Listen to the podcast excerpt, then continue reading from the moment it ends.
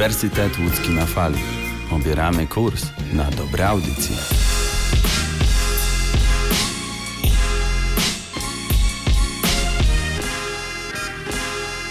Cześć, tu Eliza Matusiak i Uniwersytet Łódzki na fali. Nadal większą część dnia spędzamy w domach i stąd też niezmiennie już dość długo do Was z nich mówimy. Długo zastanawiałam się, jaki temat wybrać na dzisiejsze wydanie, bo zawsze staram się znaleźć coś, co scali całość, jakoś połączy te kolejne elementy literatury w czasach zarazy. I dzisiaj będzie o tym, czego nie ma. Nie ma kogoś, nie ma czegoś, nie ma podróży, nie ma pamięci, nie ma sensu i nie ma też dzisiaj wyborów, co akurat sens o dziwo ma. Tuż po mnie Kamil filozoficzny, czyli Kamil Korzec i jego interpretowanie świata na sposoby wszelakie. Zresztą z takim głosem Kamil mógłby gadać sobie o czymkolwiek, a pewnie i tak znalazłby stałe grono słuchaczy, jednak dzisiaj mówił będzie o podróżowaniu w sposób niekoniecznie typowy, więc znajdziemy trochę punktów wspólnych. Tymczasem zostawiam Was na kilka muzycznych minut w towarzystwie utworu Am I Real?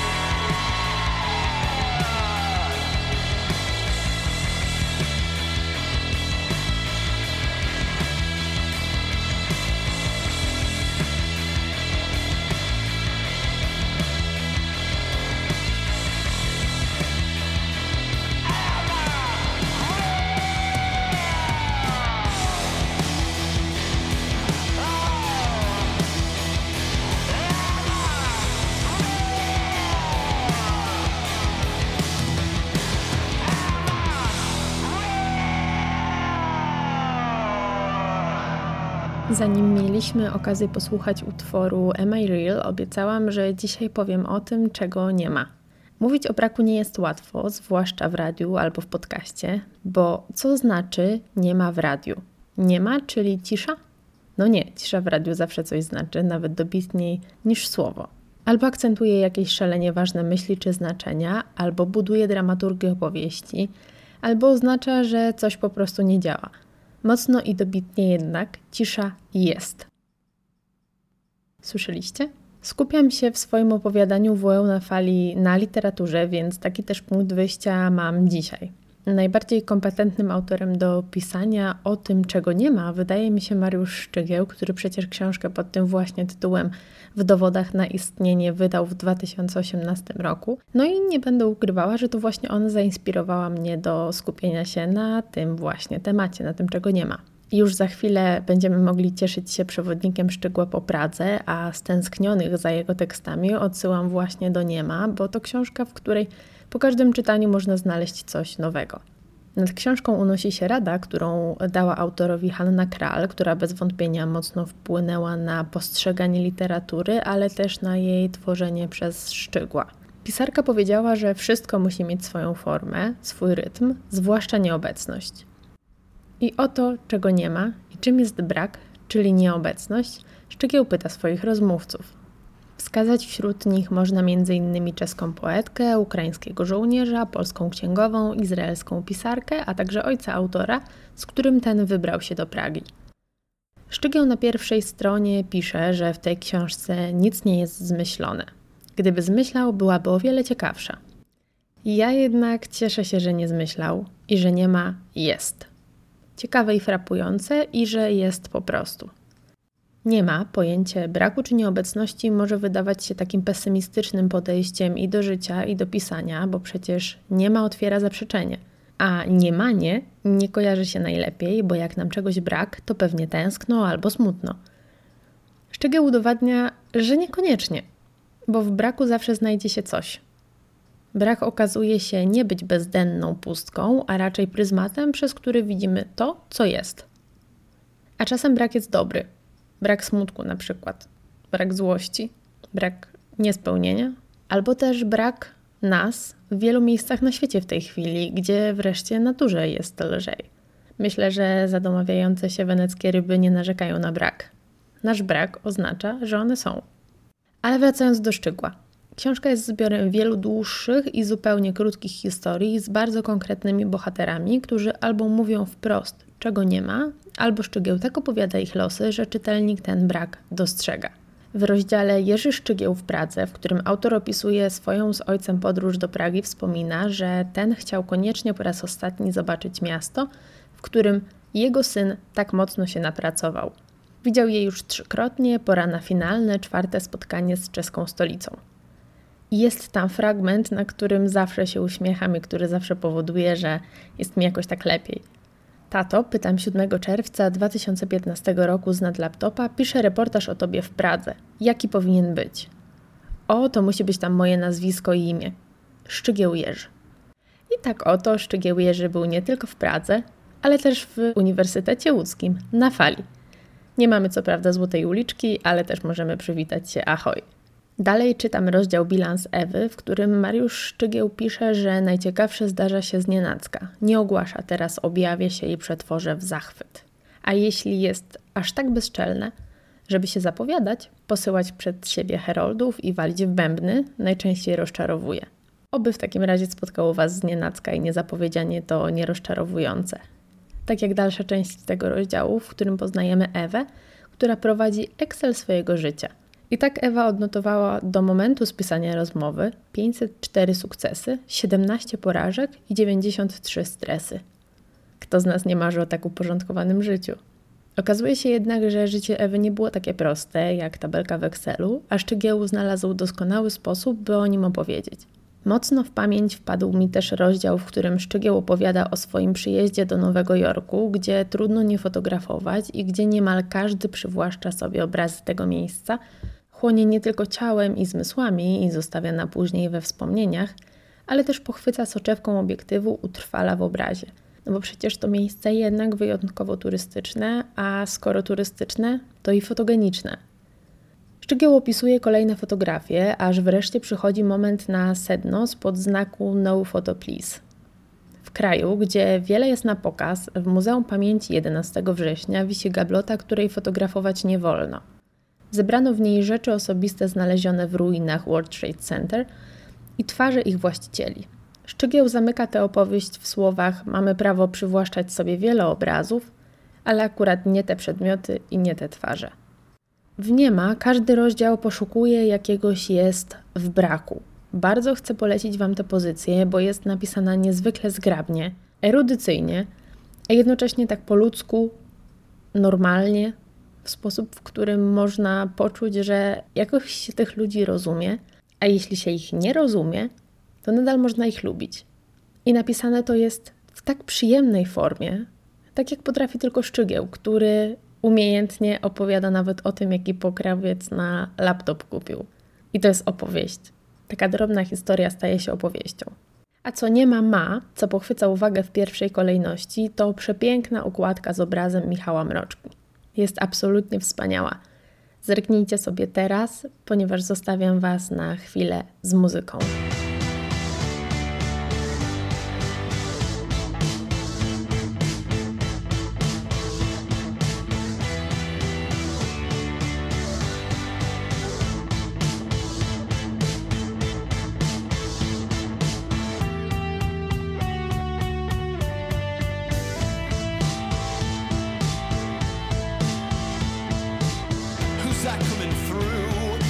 To był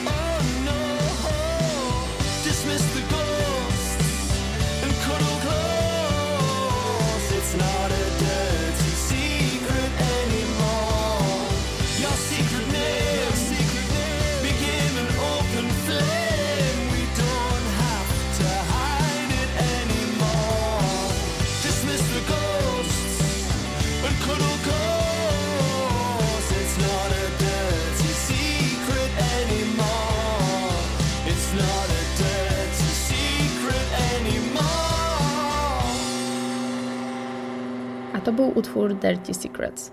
Wracam do Was z niema i zastanawiam się, czego jeszcze nie ma, czego wiele z nas nie ma, albo chociaż przez chwilę nie miało. I przychodzi mi na myśl, że wiele z nas może czasem nie mieć pojęcia, jak być dziewczyną.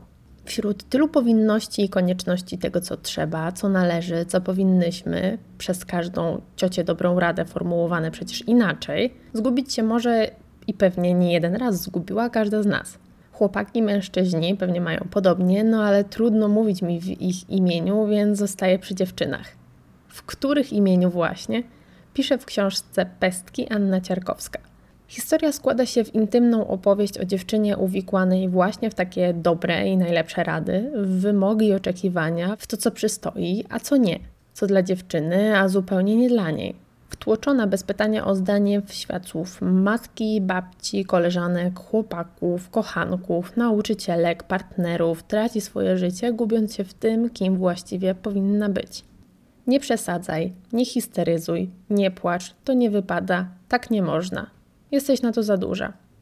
Jak będziesz duża, to zrozumiesz. Podziękuj ładnie. Taka duża panna tak się zachowuje. Niegrzeczne dziewczynki idą do piekła. Nie udawaj, to nie koniec świata. Ludzie patrzą, ja w twoim wieku. Kto z nas tego nie słyszał? Będąc nie tyle dorosłym, co świadomym siebie i swojej wartości, można i bardzo często trzeba powiedzieć, chrzanić to. Odpowiedzieć sobie na to, co ważne dla mnie, dla mojego życia i samopoczucia, no bo ja jestem w tego życia centrum i to zupełnie naturalne, tak być powinno. Ale łatwo jest to powiedzieć tylko wtedy, kiedy wyrosło się ze środowiska, które pozwalało być sobą od najmłodszych lat. I nawet kiedy coś czasem było trzeba, bo nikt nie miał innego pomysłu, jak inaczej, to nadal wiedziało się, kim jest ta osoba w lustrze.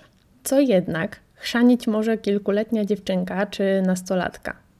Może się wkurzyć, albo smucić. Ale finalnie i tak coś musi, bo ludzie patrzą, bo tak trzeba, bo w tym wieku to i tamto. Anna Ciarkowska doskonałym językiem opowiada o słowach, które nas kształtują, które często pozostawiają po sobie takie mikrourazy, które do końca nie goją się nigdy. Autorka pisze, że świat składa się ze słów, które do mnie powiedzieliście, a każde słowo ma swój ciężar.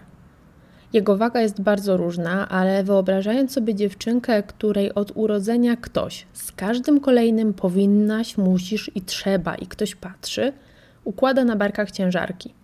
Ile one ważą, gdy jest dorosła? I co zrobić, by się pod nimi nie ugiąć?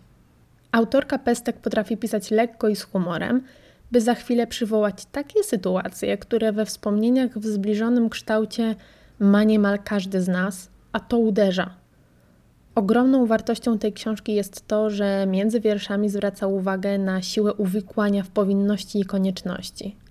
Bo wszystkie te matki, babcie, ciotki, nauczycielki były przecież tymi samymi dziewczynkami, które też musiały, które powinny były. I pewnie wielu z nich było z tym zupełnie nie po drodze. Ale pozwalając mniej lub bardziej wciągnąć się w te prawdy objawione bycia dziewczyną, Wtłaczają je teraz w swoje córki, wnuczki, uczennice, choć same tego nie chciały. Pestki Ciarkowskiej to lektura zupełnie dla każdego. W każdym wieku, każdej płci to nie jest dziewczyńska historia. Ale to historia o kształtotwórczej mocy słowa, o konsekwencjach, jakie niosą ze sobą powinności i konieczności wynikające głównie z tego, że ktoś patrzy. Nie z troski o tego młodego człowieka, o tę młodą dziewczynę czy młodego chłopaka, o jego przyszłość, tylko o to, co ktoś powie. Zdecydowanie warto sięgnąć po pestki, by zniknął albo chociaż na chwilę skurczył się brak pojęcia o tym, jak być dziewczyną, chłopakiem, sobą i jak powiedzieć, chrzanić to wtedy, kiedy trzeba.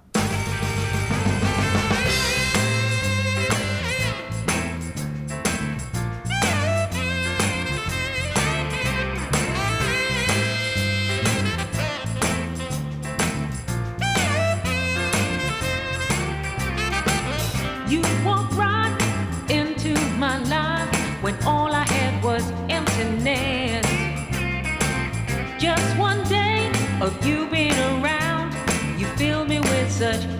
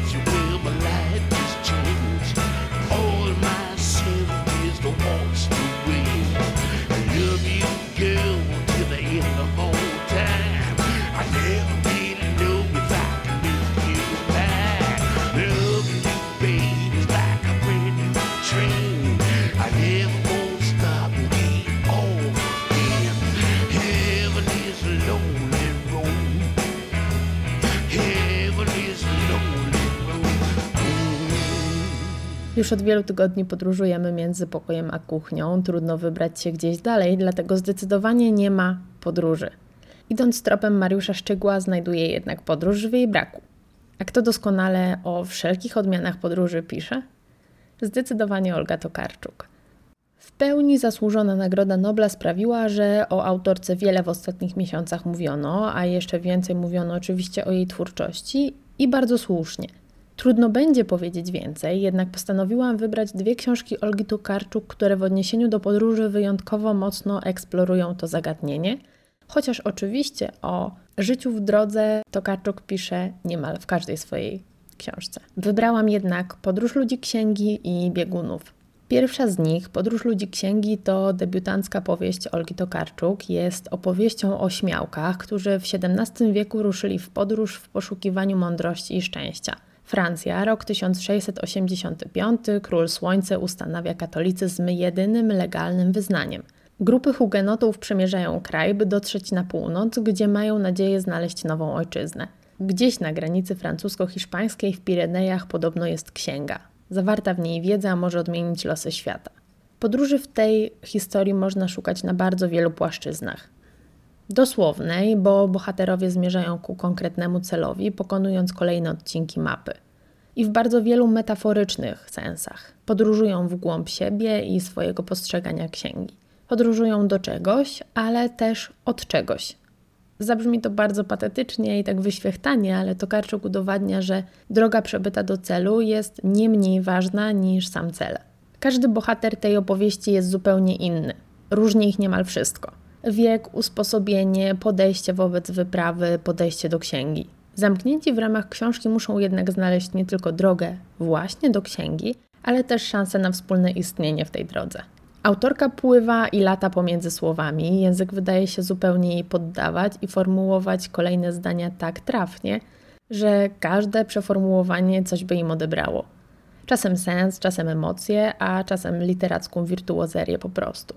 Bieguni to pierwsza książka Olgi Tokarczuk, jaką przeczytałam i jest to książka niemal doskonała, która bardzo zachęca do czytania kolejnych. Niezwykle wciągająca i mądra. Bieguni to prawosławny odłam starowierców. Wierzyli, że świat jest przesiąknięty złem, które ma do człowieka trudniejszy dostęp, kiedy ten pozostaje w ciągłym ruchu.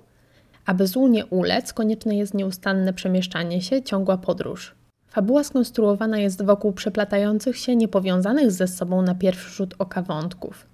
Różnych opowieści od różnych nomadów i koczowników. Od ludzi bez korzeni i tych, którzy szukają od nich uwolnienia.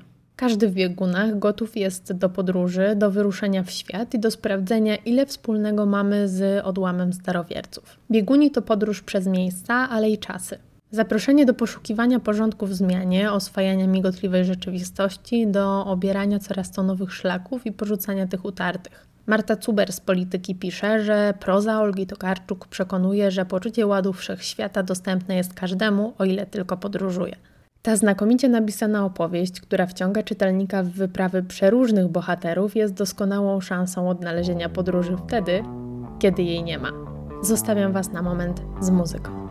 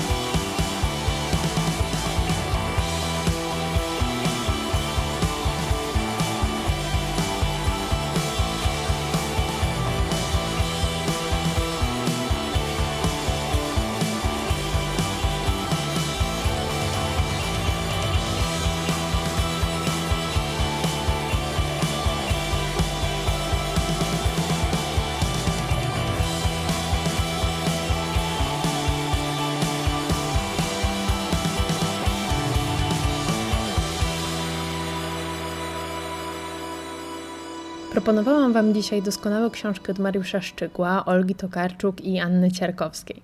Na Uniwersytecie Łódzkim nie brakuje jednak zdolnych studentów, którzy również piszą i wydają powieści warte uwagi. Z Agnieszką Frontczak, autorką powieści Pogoń, rozmawiała Joanna Kaźmierczak. Posłuchajcie. Dzień dobry, nazywam się Joanna Kaźmierczak i zapraszam Państwa na naszą dzisiejszą rozmowę dnia. A moim gościem jest Agnieszka Frontczak, pisarka z Łęczycy. Dzień dobry Pani. Dzień dobry. Pani Agnieszko, to prawie rok od wydania Pani debiutanckiej książki Pogoń Wszystko albo Nic. Mogłaby nam Pani opowiedzieć, jak właściwie rozpoczęło się pisanie tej książki? E, oczywiście.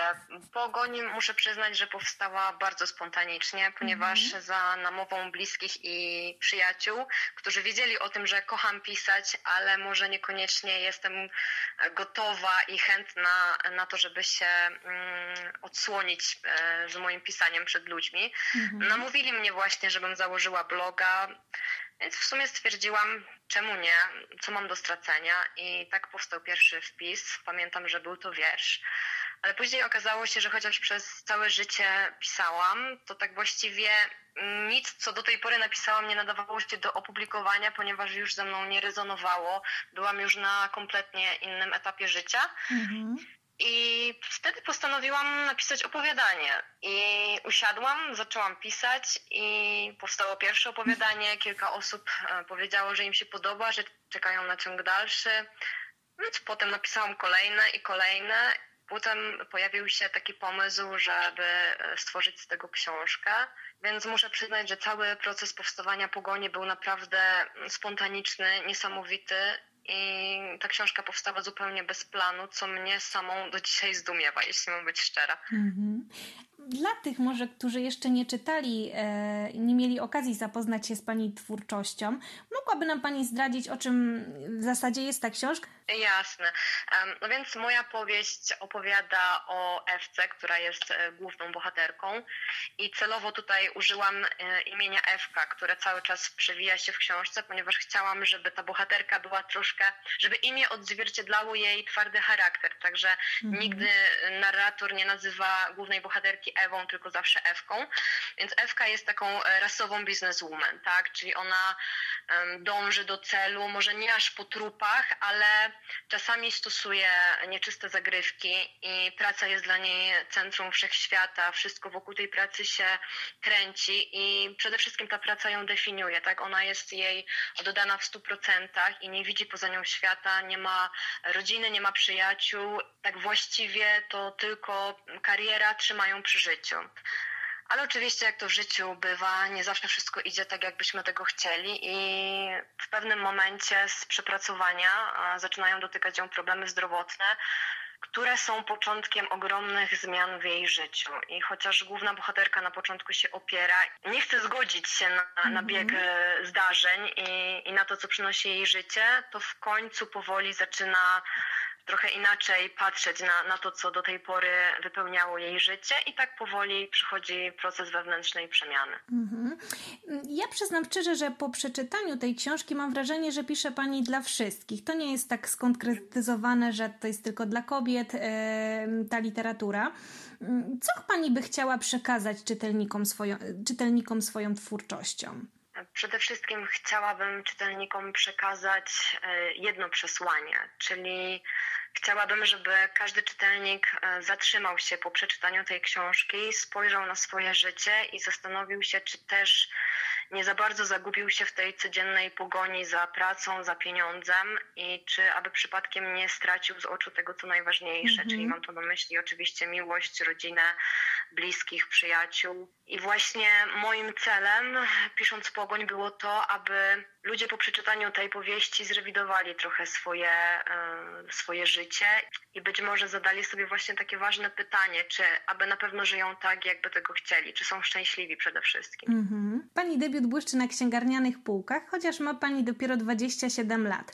Jaki był zatem Pani klucz do sukcesu? Mm, Przede wszystkim wiara we własne marzenia, e, wiara w to, co chcę ludziom przekazać, Wytrwałość. Oczywiście y, człowiek nie jest samotną wyspą, więc też wsparcie rodziny było dla mnie bardzo ważne, ponieważ sama myślę, że nie zdecydowałabym się na taki odważny krok, bo jak wszyscy wiemy, żyjemy w takich, a nie innych czasach, gdzie w internecie hejt jest na porządku dziennym, tak? Więc ludzie mogą wszystko napisać o naszej twórczości.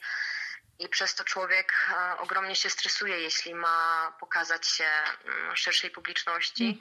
Więc tak jak mówię, wytrwałość, wsparcie rodziny, wiara we własne marzenia i taka chęć osiągnięcia w życiu tego, e, czego tak naprawdę pragnę, tak? Czyli chęć podążania za głosem swojego serca, chęć pisania do ludzi.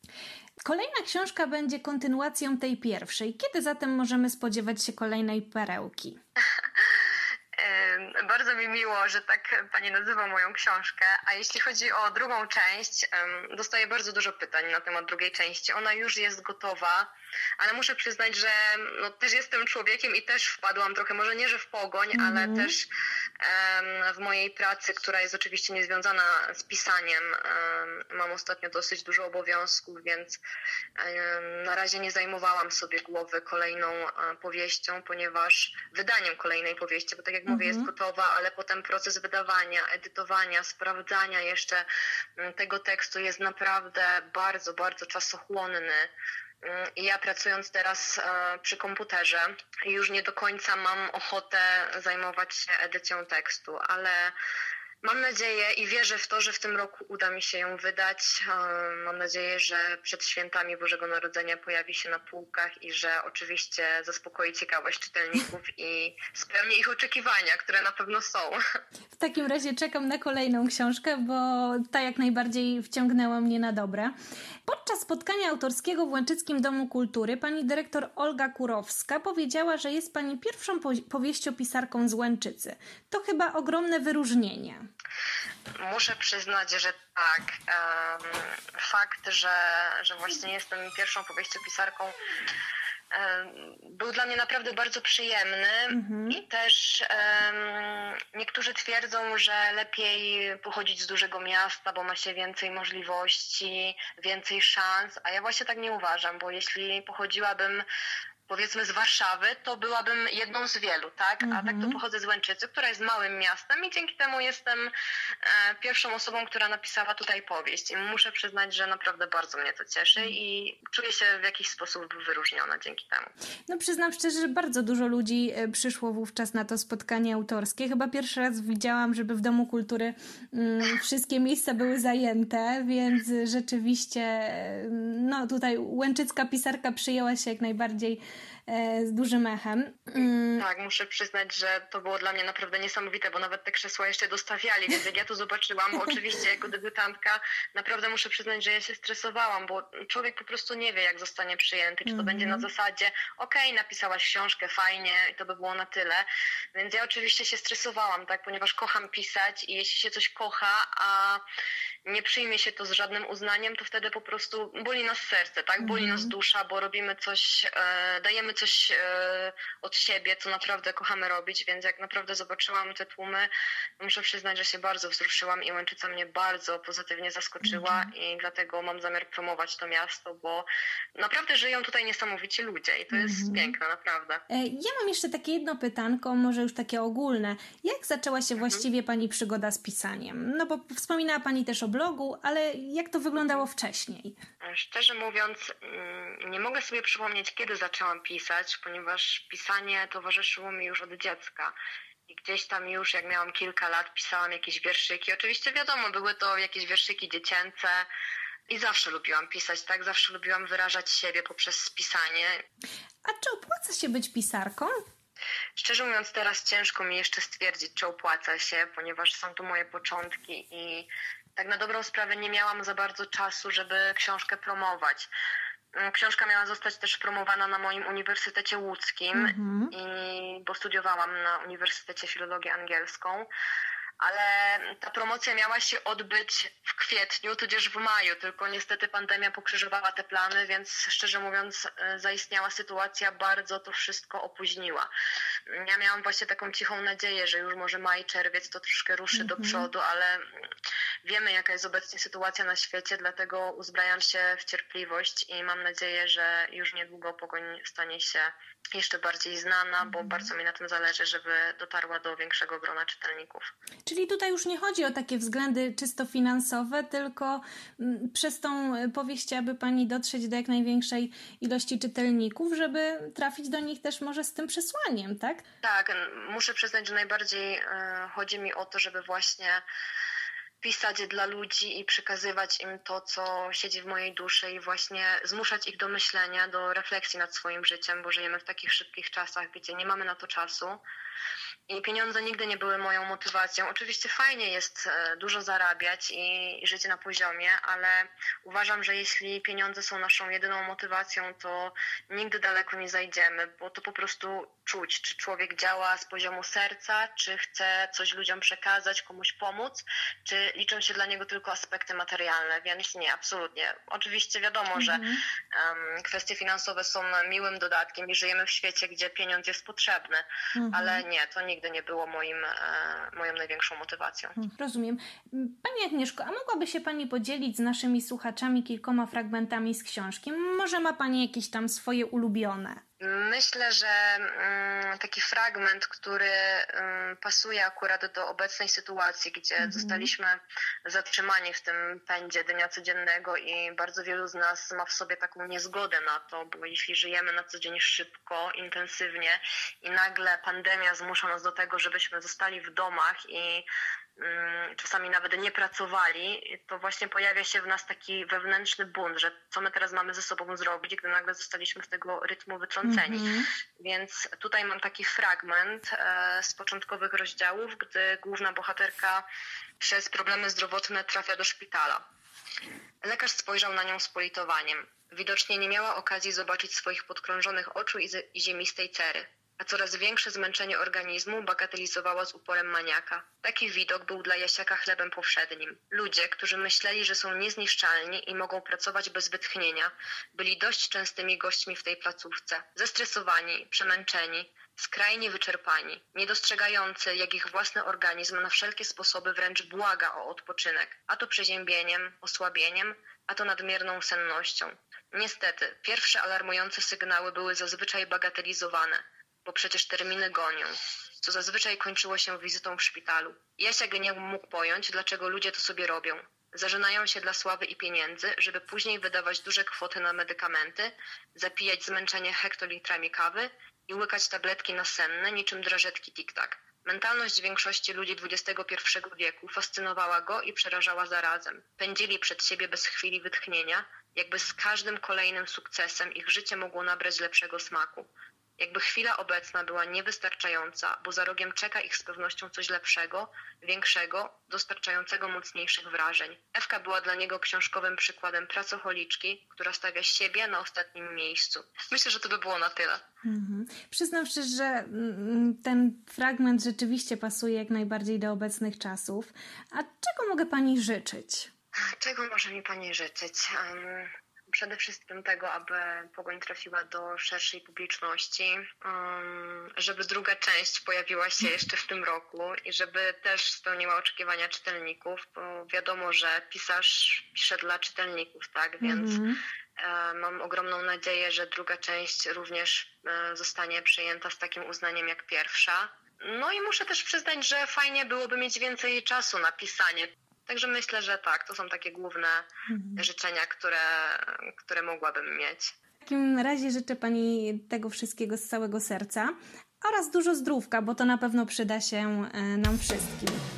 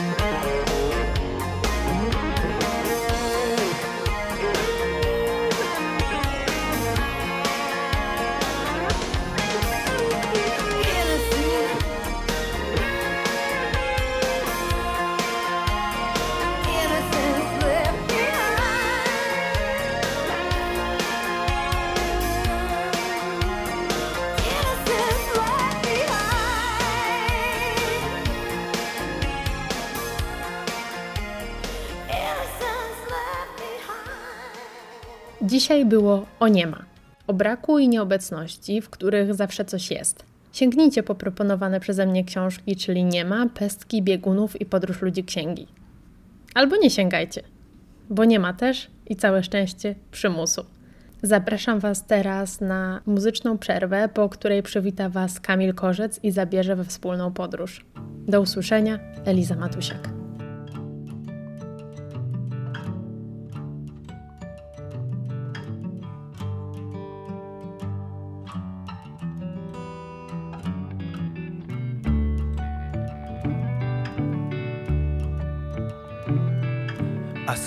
Against the stream in an ocean of sadness. Waves of regret hitting my face. As I struggle to keep afloat.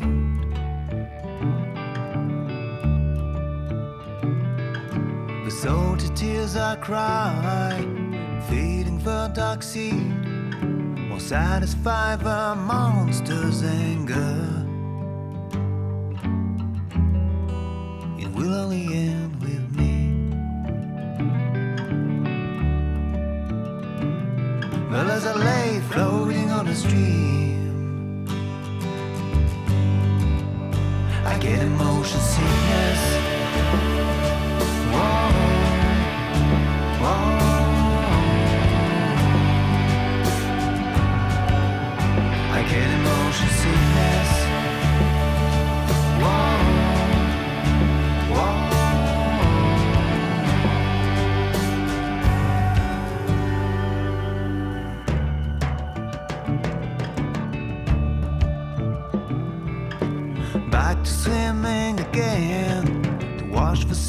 Away. A wave of anger replacing the tears. You Give me a second breath.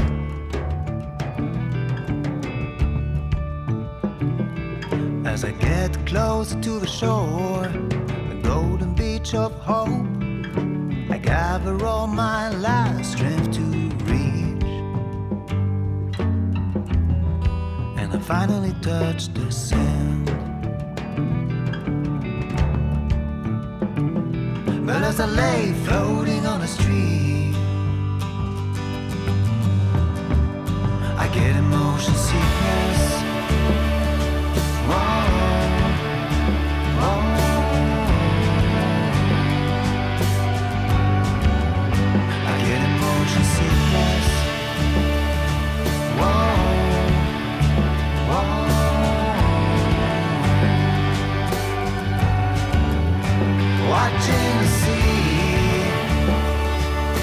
Yeah.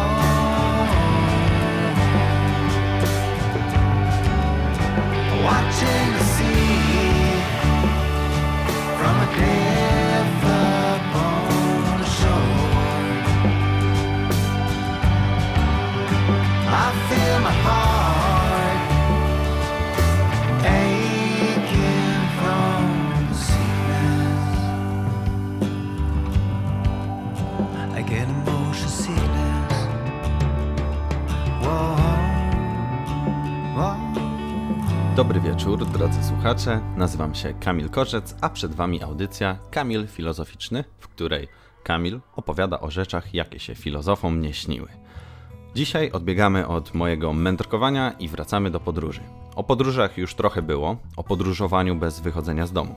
Dzisiaj w nieco innym temacie, bo o tym, czy wybierając się w podróż, warto ją planować, standaryzować, przygotowywać się do niej, czy po prostu łapać wiatr w żagle, póki wieje. Bo jak to mówią, bez ryzyka nie ma zabawy, ale mówią też, że brak planowania to planowanie niczego. Porozmawiamy dzisiaj też z parą podróżników, której jeszcze zanim cały świat zaczął zamawiać windę łokciem, udało się odbyć wspaniałą podróż do Afryki. Ale najlepsze na koniec. Klasycznie na rozgrzewkę odrobina muzyki. Zapraszam.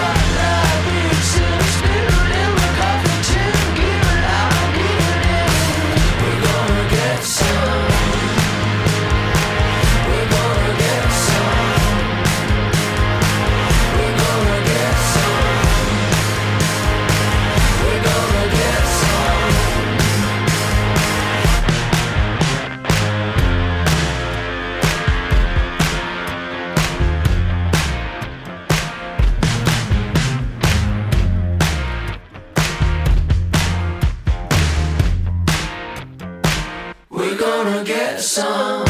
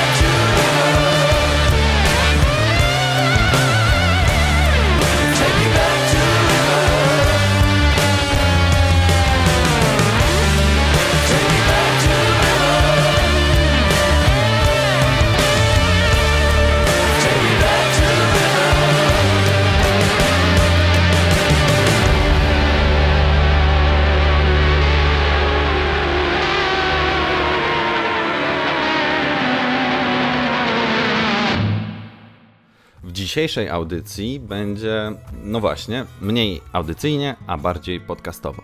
A to dlatego, że poopowiadam, jak to u mnie jest z podróżowaniem. Co prawda, Tony Halikiem nie jestem, do dumnego miana ambasadora. Każdy, kto oglądał klasyk Chłopaki nie płaczą, wie o co chodzi. Brakuje mi jeszcze tysięcy kilometrów przygód. Ale już na swoim paragonie podróży mam kilka wydatków, jestem z nich całkiem dumny i zawsze się uśmiecham, jak znajomi mówią do mnie, że jestem podróżnikiem. Bynajmniej jakbym był WC, inicjały Wojciecha Cejrowskiego. Cieszą nas podróże i te małe, i te duże. Byłem na wschodzie, na zachodzie Europy, na Bliskim Wschodzie i dalekim zachodzie za oceanem. Summa summarum, jakieś tam pojęcie o tym fachu mam i na bazie własnych doświadczeń chciałbym rozważyć, czy warto planować podróże i przestrzegać tego planu, czy iść na żywioł, jak Alexander Supertramp w filmie Into the Wild. Pierwsze, co mi przychodzi do głowy, to to, że jest to rzecz bardzo, ale to bardzo indywidualna. Ja z natury jestem osobą, która nie cierpi planować. Może ja to naiwnie tłumaczę, ale wydaje mi się, że jak dotychczas dobrze na tym wychodzę. Może przedstawię to na przykładzie serii fortunnych wydarzeń, jaka przytrafiła mi się pierwszego dnia swojego autostopowego wojażu, który, y, którego początkowym celem był Iran. Ostatecznie nie ujrzałem oblicza Teheranu, ale nie żałuję. A dlaczego?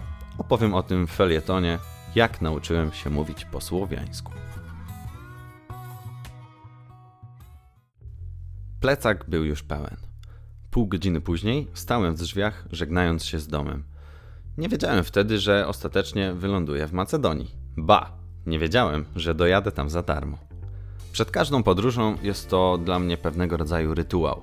Co prawda nie zakręcam wody i gazu jak Marek Konrad, ale jeżeli przed wyjściem nie uczczę tego minutą ciszy z bagażem w ręku, patrząc na ściany miejsca, w którym się wychowałem, przez następny miesiąc żyję z poczuciem, że nie przekręciłem klucza w drzwiach i najbliższe mojemu sercu miejsce opuszczę narażone na niebezpieczeństwo. Niebezpieczeństwo niemożliwości powrotu, zapomnienia, utraty czy odejścia bez pożegnania. Nostalgiczne pożegnanie przerwał telefon. Tato.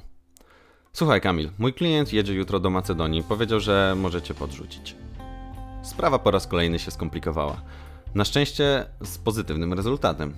Dlaczego po raz kolejny? Bo nie należę do osób, które znają takie słowo jak plan. A za każdym razem, kiedy słyszę o takim okropieństwie, jak przygotowanie go, jest dla mnie to tak bolesne jak weekend majowy w weekend. Moją myślą przewodnią było uciec. Uciec od swojego życia, rutyny, w jaką popadłem w ostatnich miesiącach, przy okazji zorganizować tą ucieczkę za mniej niż 5 euro dziennie. Wypadkowa mojego postępowania jest taka, że plan wymyślam na bieżąco i nic nie może mnie zaskoczyć. Dzięki temu nostalgiczne rozstanie z domem, na które nigdy nie jestem gotowy, zostało przełożone, a następnego dnia jechałem autostradą przez Kosowo, zamiast łapać autostop w ulewną pogodę gdzieś pomiędzy Pragą a Wiedniem. 24 godziny później Paweł, klient mojego taty, teleportował mnie 2000 km od domu. W moim słowniczku autostopowicza taką podwózkę nazywam teleportacją, ponieważ to jest naprawdę jak teleportacja. Podróżując metodą wystawionego kciuka, pokonanie takiego dystansu zazwyczaj rozkłada się na minimum 4 dni, a ja zrobiłem to w 4 kawy. Piątą kawę piłem już z Katarzyną, Kajetanem i Kacprem w kawiarni nad brzegiem Jeziora Ochryckiego. Spotkanie tej trójki studentów było co najmniej niebywałe. Gdy tylko wysiadłem z samochodu Pawła, wziąłem głęboki oddech czystego powietrza, którym jeszcze nigdy nie oddychałem, bo granicę Macedonii przekroczyłem pierwszy raz w życiu. Nieszczególnie zastanawiając się wcześniej, co właściwie może być ciekawego w kraju byłej Jugosławii, gdzie ludzie giną zagryzani przez dzikie psy. Autentycznie. Wypuściłem powietrze i włączyłem kamerę. Idąc wzdłuż brzegu najczystszego jeziora, jakie kiedykolwiek widziałem, nie skończyłem nawet drugiego zdania i słyszę: Siemanko! Od chłopaka, z którym przez przypadek złapałem kontakt wzrokowy, a on z pewnością słuchając co mówię, najwyraźniej i kontakt werbalny. Myślę sobie, o, zaraz usłyszę, że tanio jak w Biedronce. Stał w towarzystwie wysokiego chłopaka ciemnej karnacji, a że sam miał bardzo ciemne włosy i najwidoczniej skórę mocniej opaloną niż Polak w ostatnich dniach września, pytam, mówisz po polsku? Kacper był Polakiem, Kajetan Kurdem. To on mnie zmylił z tym podejrzeniem innego obywatelstwa. A Katarzyna, która podeszła do nas minutę później, także moją rodaczką. Kiedy opowiedziałem im swoją historię, skąd się tam wziąłem, która tak naprawdę dopiero miała się zacząć, zaprosili mnie na obiad do restauracji po drugiej stronie ulicy, jednej z najlepszych w mieście. Nie pozwolili mi zapłacić, zwłaszcza, że chciałem przeżyć następny miesiąc w podróży za 20 zł dziennie. Cudowni ludzie. Nowo poznana ekipa studiowała w Skopie, biorąc udział w programie Erasmus.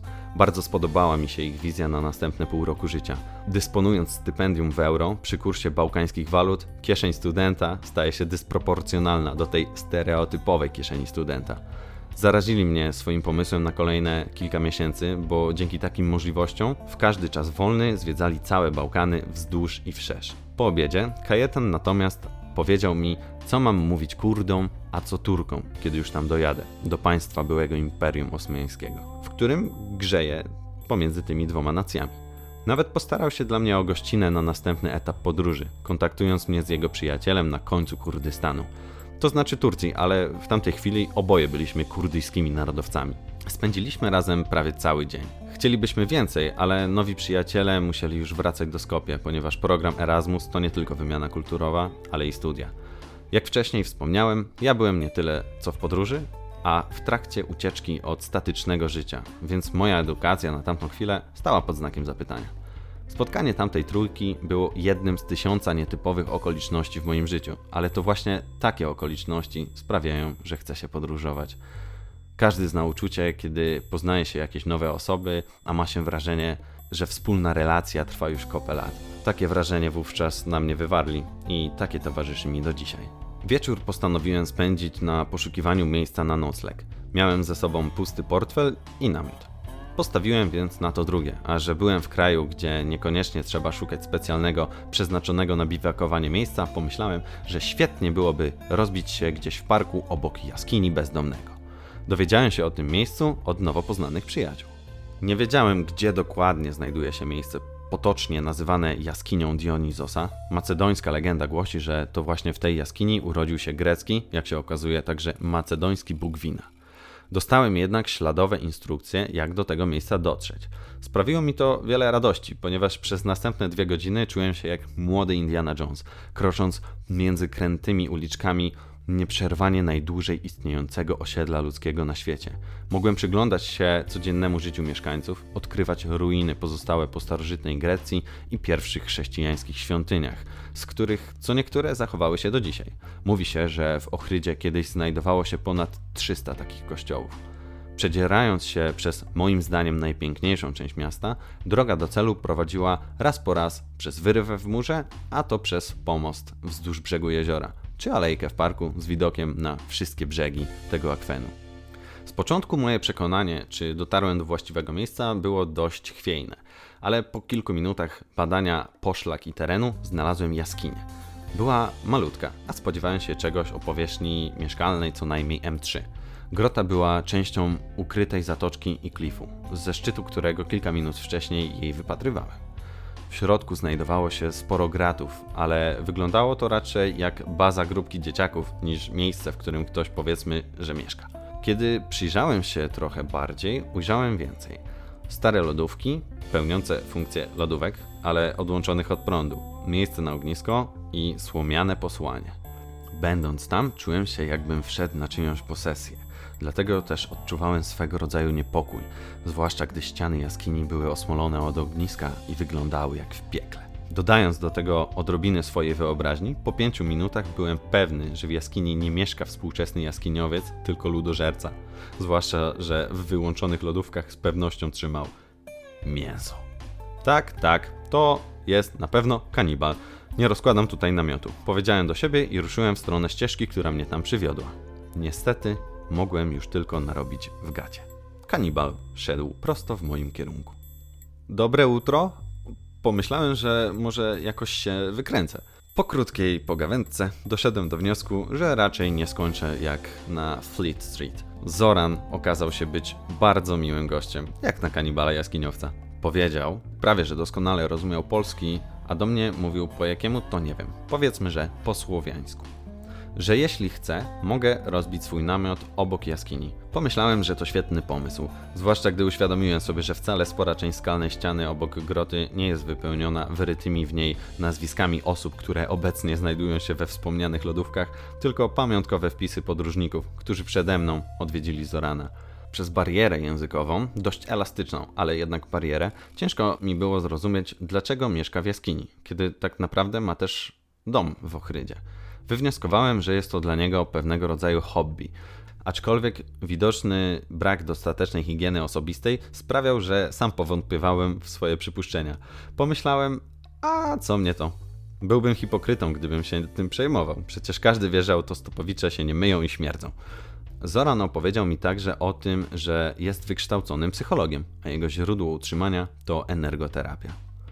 Nie nalegał, żebym został. Ostatecznie, bliżej zmroku, zmieniłem zdanie co do tego, chyba dlatego, że usłyszałem jakiś tajemniczy stukot z którejś z lodówek. Postanowiłem spróbować znaleźć tanie zakwaterowanie. Mogłem wydać jedynie założoną wcześniej sumę, więc e, zadanie nie należało do najprostszych. Nawet jak na kraj, w którym wciąż za 10 zł kupisz dwa piwka i fajki. Na szczęście mogłem je sobie kupić, bo kwaterę akurat dostałem za darmo. Był to tylko jeden dzień, ale wystarczyło, aby zakochać się w tym miejscu. W oczach mieszkańców Ochrydy widziałem wolność. Wolność od statusu społecznego, majątku, na dobrą sprawę od reszty świata. Jestem wolnym człowiekiem, więc takich miejsc szukam przez całe życie. Choć rzadko, czasem je znajduję, ale głównie wtedy, gdy tego nie oczekuję i nie planuję. To był mój autorski felieton, jak nauczyłem się mówić po słowiańsku. Dam wam trochę odpocząć od mojego głosu i zapraszam na muzyczną przerwę.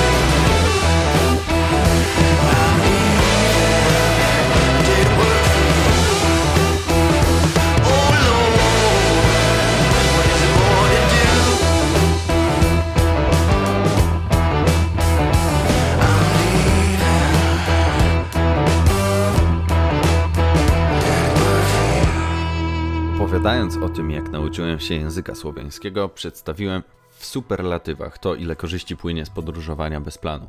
Nie chciałbym jednak nikogo namawiać do takiego stylu podróży, bo jak powiedziałem na wstępie, nie jest to dla każdego. Oczywiście nie powiem, że brak planu jest gorszy lub lepszy od posiadania go. Dlatego podpisuję się pod tym, aby robić to po prostu zgodnie z samym sobą. Weźmy pod lupę vlog Projekt 193, z autorem którego, Robertem Staroniem, rozmawiałem w, w pierwszym Kamilu Filozoficznym. Znam Roberta już ładnych kilka lat. W tym czasie spędziłem z nim dwa sezony jako ratownik w południowej Karolinie, dzieląc z nim czas pracy i wspólne mieszkanie. Ten czas pozwolił mi zauważyć, jak bardzo jako odkrywcy świata różnimy się od siebie. Robert, kiedy wybiera się na wycieczkę, potrafi uwzględnić najdrobniejszy szczegół podróży, jak to, w którym miejscu napije się kawy, albo e, wyznaczyć konkretny czas na kupowanie pamiątek. E, Opowiadał mi kiedyś, że kiedy wyjeżdża na kilka miesięcy, to potrafi spakować się już tydzień przed wyjazdem. Myślę sobie, że to wariactwo.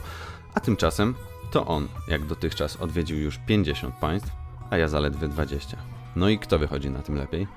Ponownie powiem, że nikt, ale warto zauważyć, ile plusów daje planowanie podróży. Jak chociażby to, ile państw udało się zobaczyć Robertowi. No, chłopak chyba zna się na rzeczy. Z takich plusów to chociażby można zaoszczędzić stresu i pieniędzy, bukując sobie nocleg dwa dni przed przyjazdem, a nie tak jak ja, dopiero w wieczór przyjazdu do danego miejsca.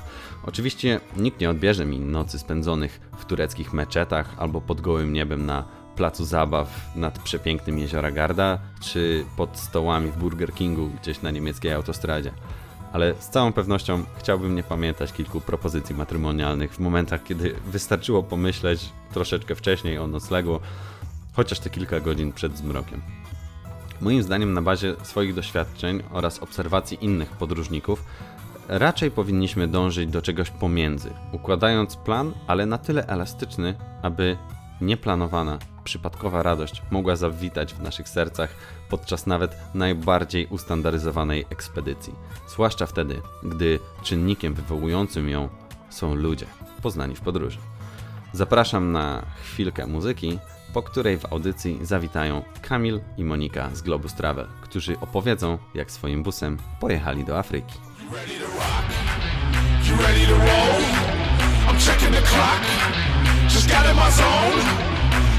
rock?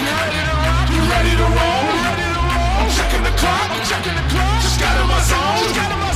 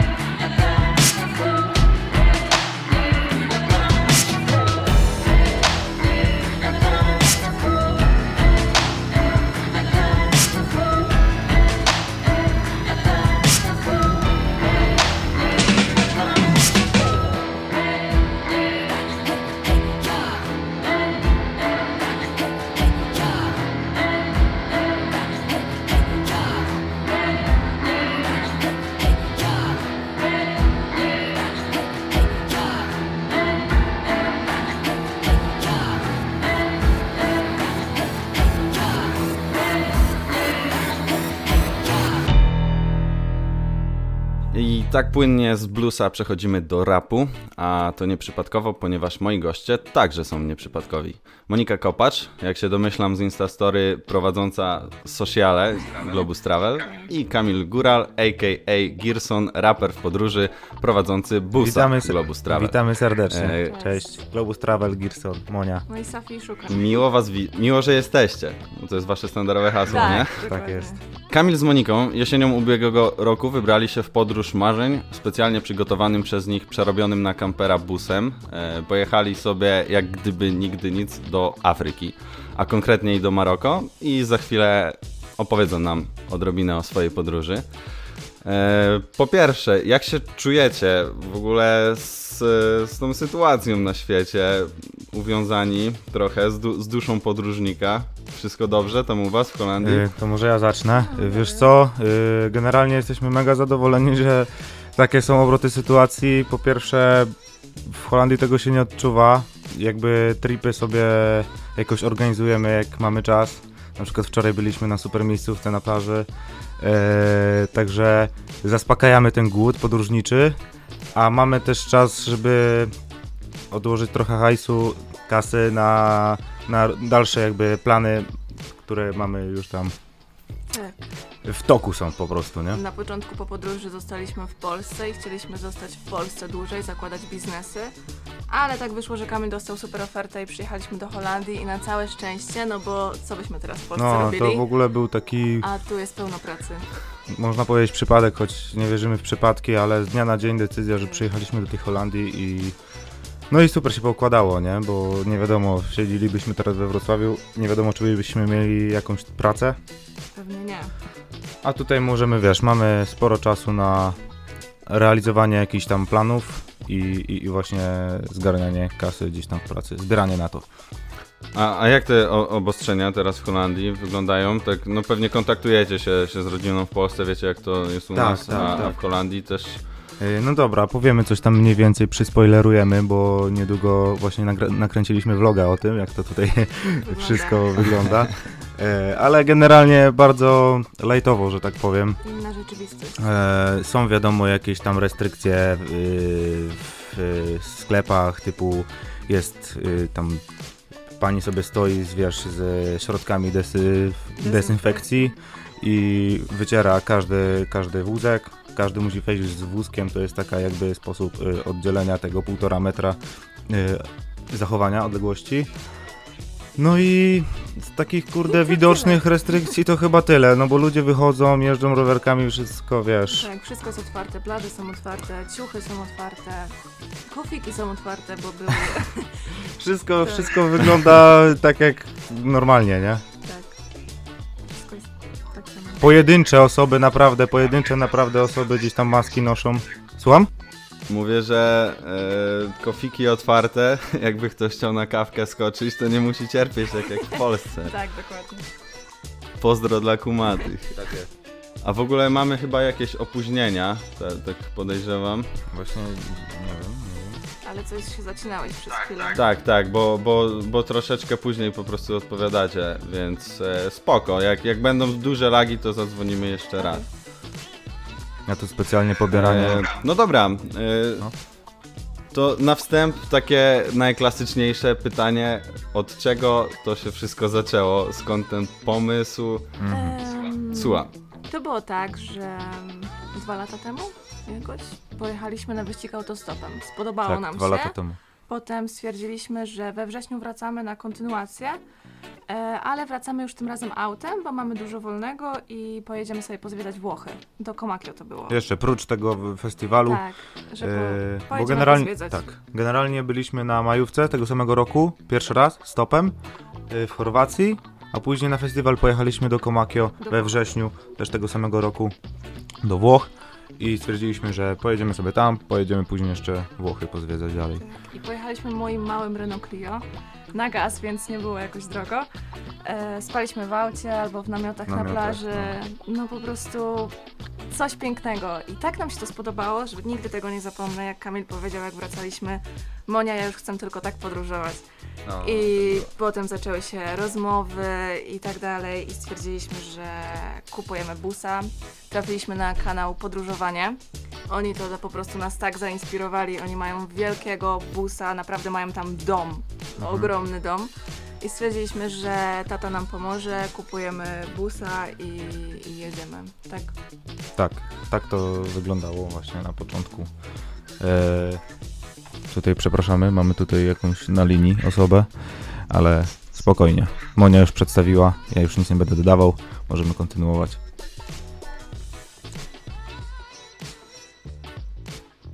No okej, ale w- właśnie e, też miałem się zapytać, bo mnie to bardzo ciekawi. E, jest taki trend e, właśnie na przerabianie e, takich busów na takie podróżnicze, tak? Bo to jest dostawczak Tak, po tak, prostu, tak. Który, który sami e, Kamil z Moniką zrobili. E, no i Dlaczego nie kupić po prostu kampera? One są dużo droższe, to taniej wychodzi, czy tu po prostu chodzi o to, żeby to sobie tak typowo pod siebie zaprojektować i jakby poczuć magię w ogóle tego, że, że sobie budujemy taki swój dom na To kółkach? też na pewno, ale kamper przede wszystkim jest za wysoki i za szeroki. Większość miejscówek we Włoszech, to byśmy tam nie wjechali po prostu. Najpiękniejsze miejscówki. Nie, Mhm. nie byłoby no, takiej jakieś możliwości. Duże, duże, w sensie strome górki. Myślę, że kamper tam na pewno by nie podjechał. No i też daliśmy coś od siebie. To jest takie fajne, że sam to zrobiłeś Wszystko z pomocą rodziny. sam. Mój wujek dużo nam pomógł, bardzo dużo. Cały bagażnik tam zrobił. My tam mamy prysznic, markizę, wszystko. No i kosztowo myślę, że może to nie jest jakoś super mniej, ale będzie mniej jednak jak to zrobisz sam, nie? Niż kupisz kampera. No i też na, na pewniaczka, bo taki kupiony to te, też raczej nie nowy, bo, bo te nowy to tam w milionach kosztują, nie? To wiadomo, a, a tak to, to wszystko macie swoje zrobione, świeże, Jeszcze ja mam tatę więc mechanika. e, to no, no rozumiem. Tak. Monika to jest A. Wszystko ogarnął po taniości. ręki zawsze Tak. wszystko ogarnięte będzie technicznie. Kupiliśmy auto takie trochę powypadkowe, że tak powiem, on nam naprawił i tak naprawdę na plus wyszliśmy z tym. No tak, bo całą drogę elegancko się sprawowało auto. Nic się nie, żadnych awarii jakichś super nie było, że musieliśmy wzywać pomoc czy coś. E, No, także naprawdę fajnie. No, po, poza tym akumulatorem, nie? We, we Włoszech. Bo Tak. akurat wczoraj O, oglądałem to akurat e, było wasz, właśnie. wasz kanał. Z naszej winy bardziej, Tak. nie, nie ogarki i lenistwa, nie chcieliśmy się po prostu... ten- Dowiedzieć więcej o tym. Nie, po prostu zmienić miejscówki na festiwalu. Tydzień czasu tam byliśmy pod y, drzewami y, w cieniu i się nie ładowały baterie. No i jak była już tam jedna kreska A, czy coś, dobra. to stwierdziliśmy, dobra, jedziemy ładować. A to się okazuje, że generalnie ten solar będzie ładował akumulator, tylko jak będzie, wiesz, Tylko do połowy do połowy. akumulator. Czyli jak spadnie jedna kreska, to on ci naładuje, czy tam dwie do połowy. Ale całego akumulatora Ale całego nie. to już nie dało, nie, nie ma opcji, nie? Także Ale- nauczyliśmy no, się kurczę, na pewno. Super, że, że, ten, że, się, że się udało i no wiadomo, podróże kształcą, No, każda podróż to, to jakieś nowe doświadczenia. Sami doskonale, e, doskonale wiecie. A właśnie też e, mm, powiedzcie, jak to było ogólnie u was z taką naturą podróżnika.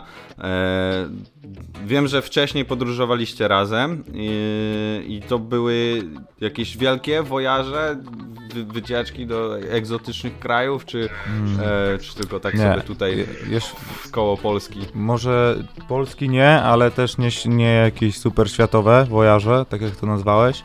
Bardziej obracaliśmy się w Europie. Zaczynało się to typowo, wiesz, w wakacje. Zakopane. A nie, faktycznie tak, od od Polski jakieś misyjki takie weekendowe, majówkowe czy zakopane. Później pojechaliśmy gdzieś tam na wakacje z biura podróży. To było straszne. Później e, i takie same powiedzmy wakacje. Biuro podróży, to było to straszne. Było straszne, naprawdę, no bo jesteś W sensie wiesz, no typowo, hotelu. typowo taka Tak. e, Nie dla nas. No, wakacje typowo all inclusive, wiesz o co chodzi. Raczej fajnie spędzaliśmy tam czas, bo sobie wynajęliśmy skuter i y, spędzaliśmy aktywnie dosyć czas, ale generalnie y, później właśnie zaczęliśmy rozkminiać sobie sami jakby wycieczki. W sensie, wiesz, już na własną rękę wynajmowaliśmy sobie na bookingu coś, własne loty już bez biura podróży. Potem do mojej I to się przeradzało tak bardziej. Aha, no. Jeszcze takie też misje, bo ona na Erasmusie była, to poleciliśmy do niej do Portugalii też. Mhm. Też było naprawdę Takie fajnie. spontany yy, i właśnie na własną rękę później się to Potem zaczęło autostop. przeradzać. Yy, a ja jeszcze wrócę wcześniej, wcześniej, wcześniej, jeszcze jak Moni nie było, to ja właśnie miałem chyba od początku taką duszę podróżnika, bo nawet yy, dostałem prawko, to tam yy, rok czasu pojeździłem w Lubinie jeszcze w pizzerii, a później znalazłem pracę, żeby jeździć busem po Europie i tak spędziłem prawie dwa lata. E, także właśnie, wiesz, dostawczakiem właśnie takim ośmiopaletowym jeździłem po firmach po Europie. Holandia, Niemcy, Szwajcaria, y, Czechy. No fajnie też, fajnie, bardzo to wspominam. Szczególnie dla mnie to było fajne, bo nie byłem, jak, że tak powiem, uwiązany w, jednym miejscu gdzieś w domu, nie miałem jakichś super obowiązków.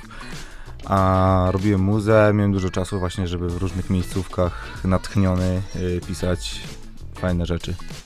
A, a no właśnie, e, bo też tam widziałem na którymś e, ze story, że, że tam sobie w busie zaadaptowałeś Tak. taką przestrzeń na, wiadomo, na wiadomo. mikrofon, na wygłuszenie. Tak, kolega mi tutaj e, pomógł zbudować takie studio, jakby znaleźć sprzęt, który, który będzie jakby sprostał warunkom i nagrywał mnie w miarę profesjonalnie.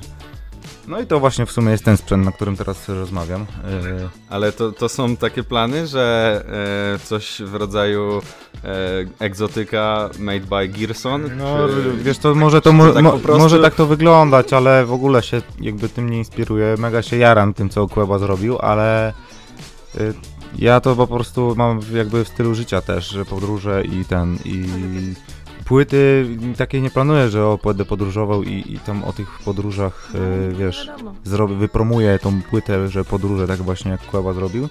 Będą wątki jakieś tam w kawałkach, ale to nie będzie jakby całym obrazem pewnej płyty. Z racji tego, że już coś takiego powstało, a ja no i jakby się tym nie kierowałem nigdy, żeby tak to No wyglądało. tak, tak, po prostu no, chodzi o to, że ciężko być raperem e, ze stacjonarnym studiem, który jednak jeździ gdzieś po świecie. No, trzeba No tak, dlatego trzeba sobie, no właśnie gdzieś zrobić tak, żeby... Dużo raperów w ogóle ma takie studio właśnie y, gdzieś tam mobilne, jak są w trasie, to zawsze gdzieś autokarze mają takie studyjko i, i nagrywają, to jest super. No i ja też tak postanowiłem, że... To, no ekstra, bo przychodzi natchnienie i tak, po prostu... no powiem ci, że naprawdę właśnie jak byliśmy na tym tripie, jak byliśmy na tym tripie, to dużo, często było takich właśnie super sytuacji, że rano wstawałem gdzieś na super miejscówce, mega wi- widoczek i wiesz, parzę sobie kawkę czy coś i puszczam jakiś bicik i tworzę gdzieś tam wschód słońca, bo często wstawaliśmy na schody. M- Magia, magia. I właśnie oglądając te, te, wasze Instastory, bardzo zazdrościłem, bo akurat miałem takie e, dosyć nieudane wakacje, spędzone po prostu w mieście i, i wy pojechaliście na jesień, ja tak sobie patrzę, jeju, jak super, jeszcze Monika tak świetnie prowadzisz tego Instagrama, ja naprawdę jestem od początku waszym fanem i to nie tylko dlatego, że, że się z, Kam- z Kamilem znamy od lat, tylko no su- super, podoba mi się to. E, mam nadzieję, że też na, na YouTubie niedługo kolejne produkcje się pojawią. Jasne, no to od razu możemy walnąć za- zapowiedź. Dzisiaj bądź jutro chcielibyśmy jeszcze tylko y, przetłumaczyć to na angielski, ale y, mamy już osobę, która nam robi te filmiki, bo wcześniej ja się tym zajmowałem i jeszcze podczas podróży, co było dla mnie bardzo Plus rap, uprzykrzające. plus wszystko, to po prostu było nagrywki. niemożliwe. E, To było e, ciężkie do zrealizowania i mamy teraz człowieka od tego, Tymka, który nam montuje właśnie te filmiki i nie wiem czy widziałeś, z tydzi- tydzień wcześniej puściliśmy Hiszpanię, Teraz- a teraz wychodzi To Teneryfa. wszystko, co jest na YouTubie, to, to widziałem właśnie. No. No to właśnie jest, Bo, bo też się zdziwiłem, przygotowując się do wywiadu, bo pamiętam, tam rzuciliście jakąś e, e, zajawkę. Tam e, chyba jeden filmik obejrzałem i. No a tak to się posiłkowałem tym e, Instastory, bo. bo zawsze, wiecie, na, na Instagramie macie jakieś takie story, które nigdy nie, nie przeoczycie, Tak, nie? no. To, to, to właśnie tak mam z waszym. I e, no i wchodzę na tego YouTube'a, patrzę ciach, następne filmiki, super i w ogóle dzięki, bo e, dużo uśmiechu mi sprawiliście. Naprawdę też miło się tego YouTube'a ogląda. Miło nam. Jakieś O to chodzi, tak komentarze, ten, ten montaż. E, no widać, że jest e, przemyślany. E, no dobra, może w ogóle lecimy dalej. Jak to, jak to było? Po, po, najpierw e, co, Monachium w pod, podróży do, do Włoch na, na wyścig autostopem i, i co dalej? No i później pojechaliśmy, wróciliśmy do Wenecji. My, mieliśmy jechać do, Mediona, do Mediolanu, tam jeszcze wcześniej się zatrzymaliśmy. Gdzie? W Bergamo, tak, dokładnie, w Bergamo. W Mediolanie niestety tylko przejechaliśmy, bo y, jakoś się zniesmaczyliśmy przez to, że godziny szczytu, później jeszcze Nie poczytaliśmy o parkingach, że właśnie gdzieś tam, jak chcesz y, gdzieś tam Zostawić kampera, mieście, w no to centrum, lepiej ciężko. na strzeżonym, a strzeżone były tylko do dwóch metrów, a my mamy ponad dwa metry. I wszędzie było pełno bezdomnych, którzy tylko się czaili na te auta. I jeszcze nawet widzieliśmy No, auta była. rozebrane, bez kół, bez wszystkiego. I stwierdziliśmy, że przylecimy tu samolotem, Tak, e, nadrobimy to jakimś właśnie city breakiem czy coś. takim weekendowym. I pojechaliśmy dalej. Pojechaliśmy wtedy już, y, co tam było, Genua. Tak. I, I później cały czas wybrzeżem aż do. y, Cały czas wybrzeżem praktycznie do Barcelony jechaliśmy, czyli przez Francję, e, tam Monaco, Najlepszy nocleg chyba, jeden Saint-Tropez, Cannes. Nad Monaco. No, to mógłbym. To nad, e, nad tą górą. Aha, dobra, Mamy już pamiętam. to, To, ja stoję e, na, dachu, jest. To chyba było najlepsze w Monaco. Raczej generalnie fajne, fajne Monaco jest, fajnie tam po- Mi się pojechać, podobało Na zwiedzić. przykład. To też mamy tak różnie trochę, bo Kamilowi się na przykład podobają miasta i bogactwo czasami tak Raczej- zobaczyć, a ja w ogóle bym omijała takie miejsca z daleka. Monia mi przykleja metkę. Ja po Nie, prostu lubię zwiedzać to- wszystko dookoła. no tak, Jakbym był A- gdzieś a ja w górach, to też się mega jaram. Tak. Także, ale jeżeli chodzi o Monako, No, ja też tak mam. Wiecie, że właśnie w niektórych miastach to super, jaram się, po prostu żyję tym miastem, a, a czasami gdzieś wjeżdż, wjeżdżam e, i tak patrzę w prawo, lewo, no super, dzięki, dajcie mi jakiś park za dużo narodowy. ludzi nara. No a my jeszcze trafiliśmy tam na jakiś tam y, zlot tych łodzi. To w- we Włoszech A, i w Monako akurat mega wyruszyliśmy, dużo tego było. zloty wszędzie. Wtedy w było bardzo właśnie dużo ludzi wszędzie dookoła. No. E, No, ale generalnie polecam pojechać, zobaczyć. Ja jeszcze w, w Monte Carlo wygrałem dwie dyszki w kasynie. Oczywiście pojechałem tam zagrać. Włożyłem dwie dyszki i wyciągnąłem cztery, także hazard mam we krwi. Mnie nie wpuścili, bo miałam hulajnogę. A dro, drogie, mm, znaczy życie na pewno jest drogie, ale czy, czy droga byłaby taka wycieczka właśnie do Monako? No, na przykład dla autostopowicza. Jeśli chciałby tam spać, gdzieś tak, żeby sobie wynająć jakiś hotel, tak? To Nawet- myślę, że na pewno. To ale to też takie Samo przypuszczenia nasze, bo nawet nie sprawdzaliśmy. drogie. Y, Jedzenie nawet, wszystko jest droższe mega, nie? Jakaś... Za wodę małą 2,50 euro. Znaczy to, no tak jak typowo właśnie gdzieś tam, wiesz, w jakichś takich e, Francja. Francja centralnych obszarach, gdzie wszystko jest droższe. Wszędzie, gdzie, gdzie Splendor woda po 2,50 euro. No.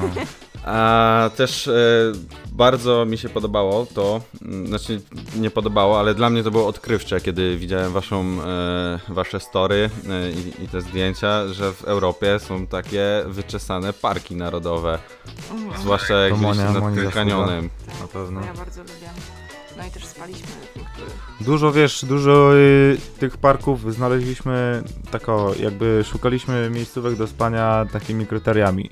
Fajna naturka, no i żeby było jakiś tam e, cokolwiek sanitarnego, nie wiem, czy woda, czy, czy, czy cokolwiek. Żeby w wodzie się wysikać. Ale było- też dużo się opieraliśmy po prostu na zdjęciach z aplikacji Park Park for Night. Wyszukiwaliśmy po prostu w jakimś obszarze po prostu parku y, ikonki, bo to jest taka apka, gdzie ludzie, wiesz, robią fotkę, zaznaczają jakieś miejsce właśnie jak podróżują kamperami czy, czy takimi vanami jak my.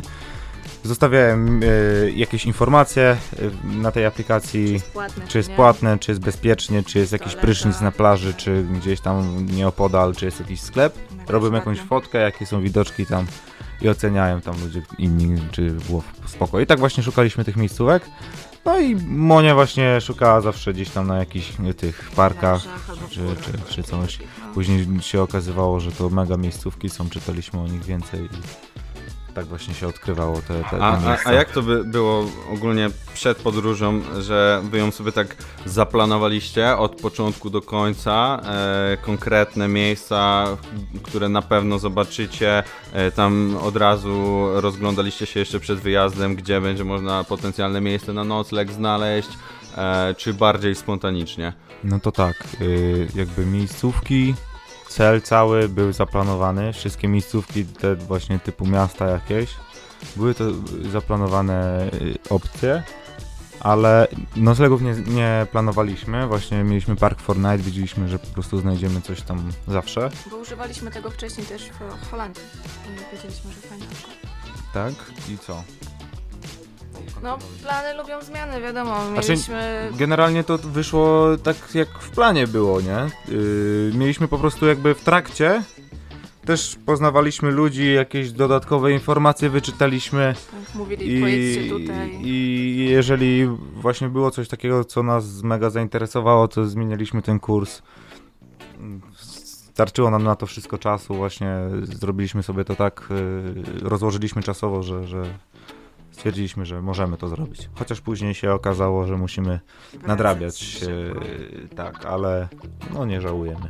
No, jeszcze wrócimy do Maroku na pewno. Czyli podsumowując, e, było wszystko zaplanowane, ale też e, były tutaj elementy spontan spontanu. Tak. Czyli z, zbalansowane, e, z, zbalansowane ryzyko. E, Bo ja to z kolei w podróży jestem człowiekiem, który bardzo lubi ryzyko i zazwyczaj niczego nie planuje. Czasem wynikają z tego ciekawe rzeczy, a, a czasem właśnie dużo tracę. E, zwłaszcza czasu, na przykład na, na poszukiwanie miejsca, gdzie, gdzie mógłbym przenocować. E, i, ale ostatecznie cel osiągnięty. Afryka, Maroko. I dlaczego akurat Maroko, Afryka? Bo kto jeździ busem do, do Afryki? A zdziwiłbyś się, no paru Moja babcia wariatów, powiedziała to samo, nie? wariatów jest. Generalnie Jakby pierwotnie ten cel też się zmieniał, ten taki ostateczny. Podczas podróży podejście się zmienia człowieka też. No tak, ale generalnie pierwotnie to miało być jeszcze dalej i z jakąś tam e, charytatywną pomocą.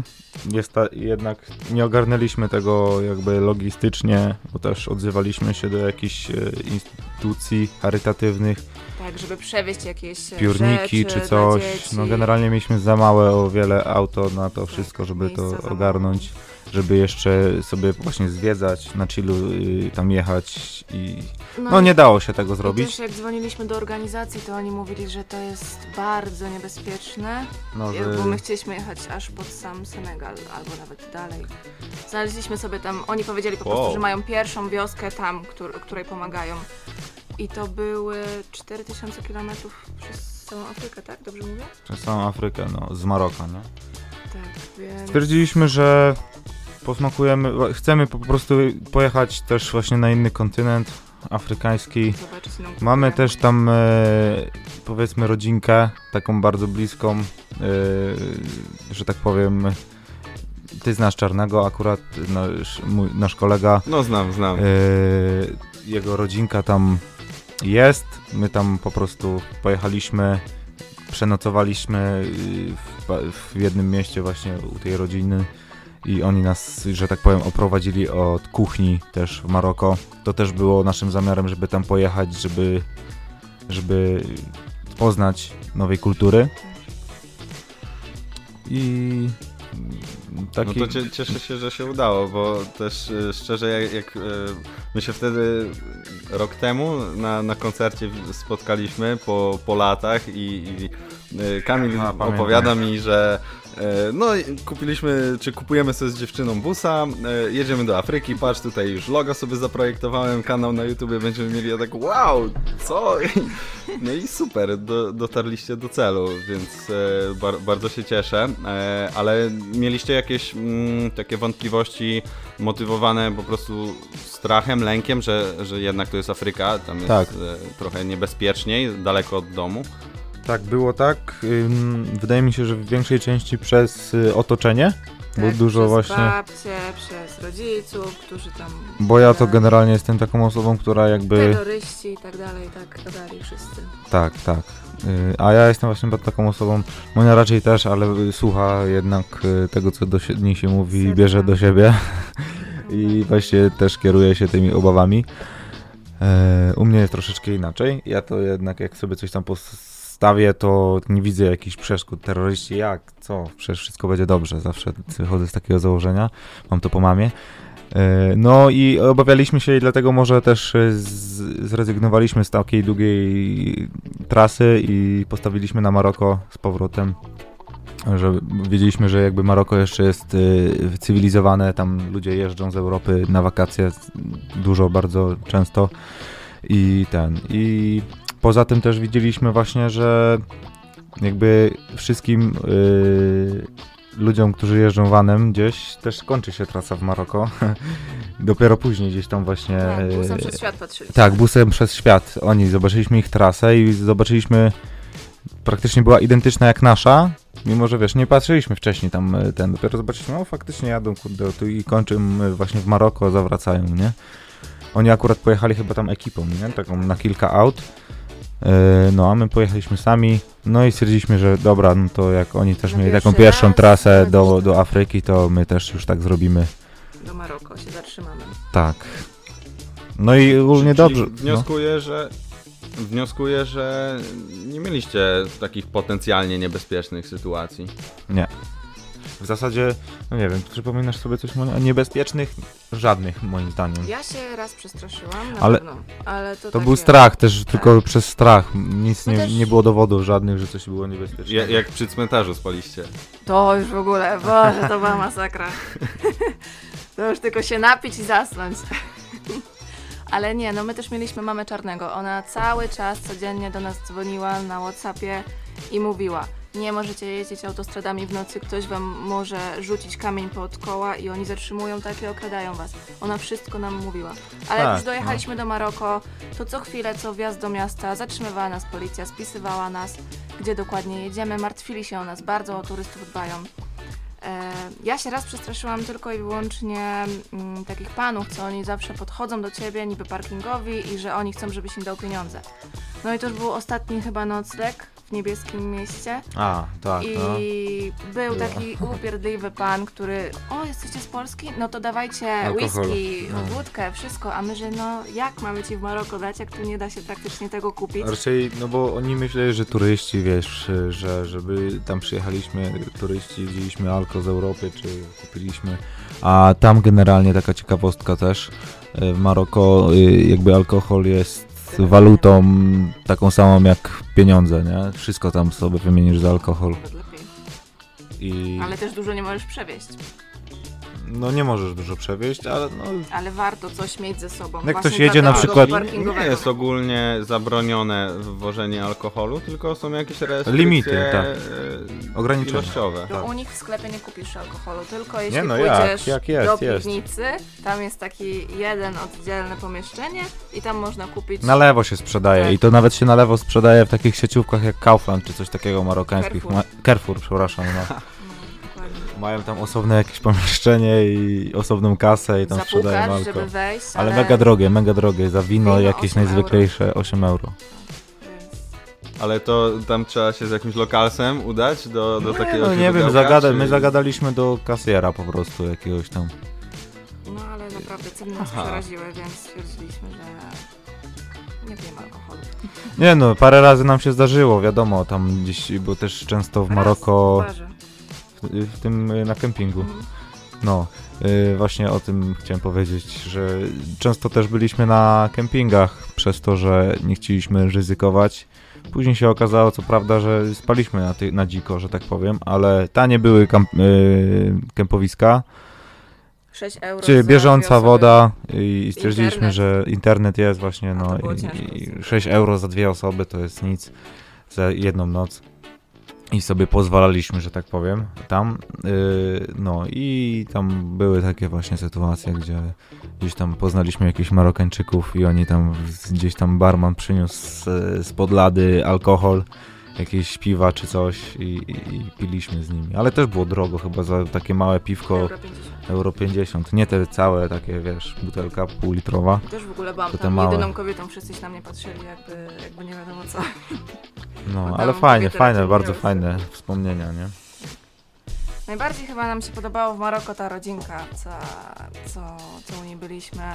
Pokazali nam chyba po prostu najwięcej i oni cały czas jedzą, cały czas na okrągło, 24 na H. I to jeszcze stawiają ci talerz na środku, yy, Boże, na środku stołu i wszyscy jedzą rękami z jednego talerza i to jest takie fajne w sumie. No tak się za, zachwala po, polską gościnność, że, że jest taka znana na całym świecie, a tu okazuje się, że, że nie tylko w Polsce. E, a, a jeszcze tak no, poza Maroko doświadczyliście jakiejś takiej fajnej, e, miłej dla serca gościnności? Jakichś wyjątkowych ludzi poznaliście po drodze? W sensie takiej może gościnności, tak, ale takiej gościnności po prostu, wiesz, uprzejmości. Gdzieś tam poznaliśmy na przykład parkę ze Szwajcarii, ale też e, z vanem podróżowali, co nie? I przerabiali go właśnie. E, tak, no to też e, jakby nie dość, że dopiero żeśmy wyszli z auta, a oni gdzieś tam zobaczyli nasze autko, zajarali się i, i, i pogadali z nami gdzieś tam.